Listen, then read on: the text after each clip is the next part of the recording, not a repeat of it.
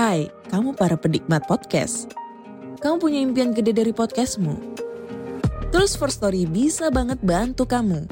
Mulai dari F-Link, Dynamic Audio Insertion, sampai statistik yang komprehensif. Semua ada di First Story. Gak ketinggalan kamu bisa monetisasi podcastmu lewat iklan dari First Story Ads yang bisa kasih kamu penghasilan dari setiap place podcastmu. Yuk gabung sekarang dengan klik di firststory.me. Sekali lagi, klik di firststory.me. Mari kita bawa mimpi podcastingmu menjadi kenyataan.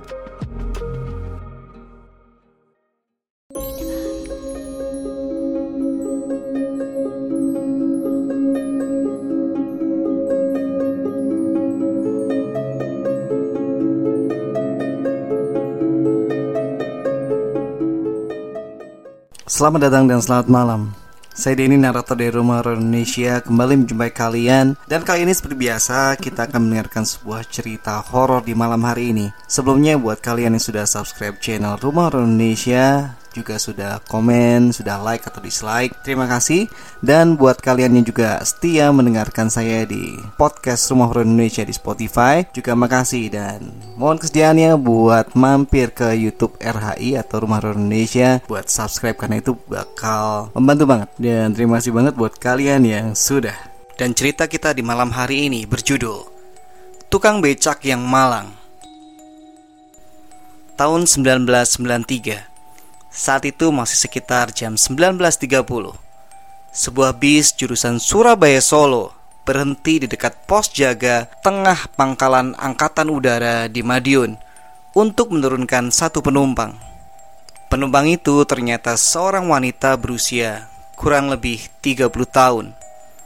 Dengan menggunakan kaos putih dan bercelana jeans, tidak ada hal yang istimewa dari wanita itu. Seperti biasa, para tukang becak berebut menawarkan jasa kepada calon penumpang untuk mengantarnya ke tujuan. Akhirnya dari sekian banyak tukang becak, Pak Ahmad lah yang beruntung mengantarkan si wanita itu. Pak Ahmad yang usianya sudah menginjak 50 tahun itu, dengan semangatnya mengantar si wanita tersebut ke daerah A. Setelah sebelumnya dijanjikan akan diberi 6.000 rupiah. Ya pada zaman segitu 6.000 rupiah ya sudah sesuai. Dengan semangatnya, beliau mengenjot becaknya. Karena terbayang di pikirannya uang 6000 akan dia dapatkan. Ya lumayanlah, setelah seharian penuh tidak mendapatkan penumpang. Jarak yang ditempuh ke daerah A kurang lebih 2 km. Tapi jalan yang ditempuh harus memasuki jalan desa yang berbelok-belok.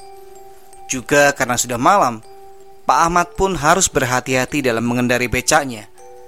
Di sisi kiri dan kanan jalan, terdapat banyak perkebunan tebu yang siap panen yang tinggi menjuntai.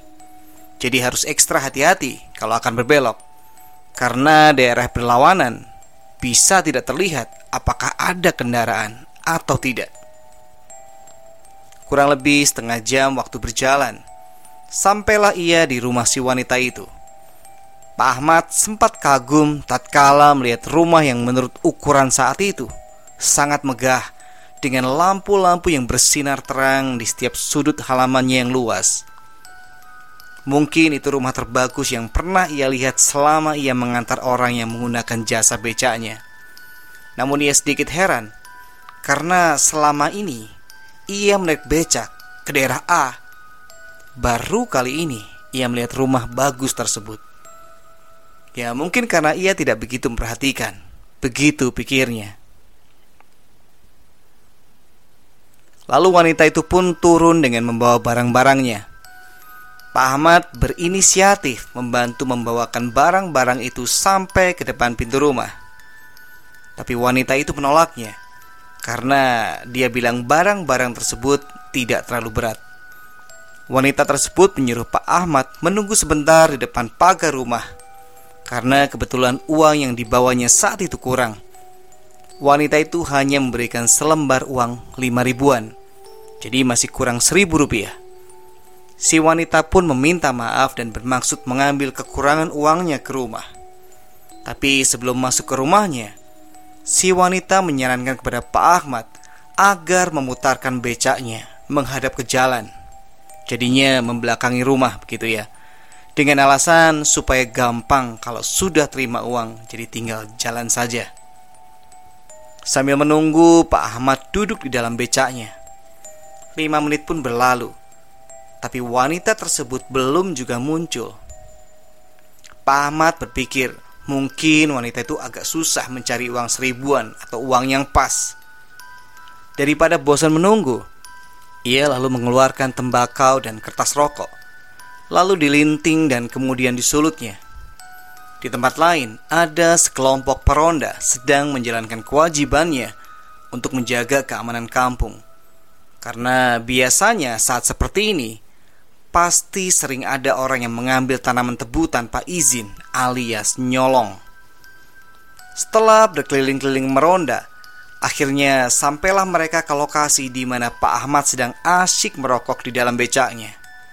Sambil mengendap-endap, mereka berjalan mendekati becak Pak Ahmad.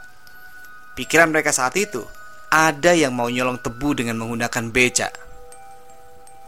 Tapi setelah dekat, mereka sempat heran karena di becaknya ada seseorang yang sedang merokok dengan santainya. Lalu para peronda menyapa Pak Ahmad dan segera menanyakan kepentingan beliau di tempat itu. Pak Ahmad dengan santainya menjawab, kalau dia barusan mengantar seorang wanita ke rumah yang ada di belakangnya dan sedang menunggu sisa uang ongkos becak dari wanita tersebut. Rumah yang mana, Pak? Tanya salah satu peronda. Rumah yang di belakang saya ini loh, Pak. Jawab Pak Ahmad sambil menengok ke belakang dan mengarahkan telunjuknya. Saat itu Pak Ahmad melihat ada rumah bagus di belakang becaknya. Tapi para peronda tidak melihat apa-apa hanya lahan tebu yang gelap. Akhirnya salah satu peronda yang ternyata RT di wilayah tersebut menyadari adanya kejanggalan yang dialami oleh Pak Ahmad. Turun dulu pak dari becaknya, katanya dengan ramah. Pak Ahmad pun turun dari becaknya, lalu digandeng oleh Pak RT ke belakang becaknya. Nah, sekarang bagaimana pak? Jenengan masih lihat apakah ada rumah Tanya Pak RT. Pak Ahmad melihat ke arah yang ditunjukkan Pak RT. Beliau pun kaget dan tersadar. Ternyata di sana tidak ada rumah seperti yang ia lihat sebelumnya. Dan setelah melihat sekelilingnya, lebih kaget lagi karena ia dan becaknya berada di tengah lahan kosong untuk tanaman tebu. Pak Ahmad pun syok melihat kejadian itu. Setelah agak tenang, Beliau cerita kalau tadi dia diberi uang lima ribuan dan ternyata setelah diambil dompetnya, uangnya masih ada dan dalam bentuk uang sungguhan. Setelah itu, Pak Ahmad dan Peronda mengeluarkan becaknya dari lahan tersebut dan diantarkannya sampai perbatasan kampung. Ya itu tadi teman-teman cerita horor kita untuk malam hari ini Semoga kita bisa mengambil hikmah dari semua hal yang sudah terjadi kita bisa belajar dari pengalaman orang-orang tadi, baik itu fiksi maupun itu nyata. Ambil sisi positif dan buang jauh-jauh segala kebatilan dan keburukan. Dekatkan diri pada Tuhan yang Maha Kuasa dan semoga kalian terhibur dengan cerita tadi. Sampai ketemu di kesempatan berikutnya. Selamat malam, selamat beristirahat.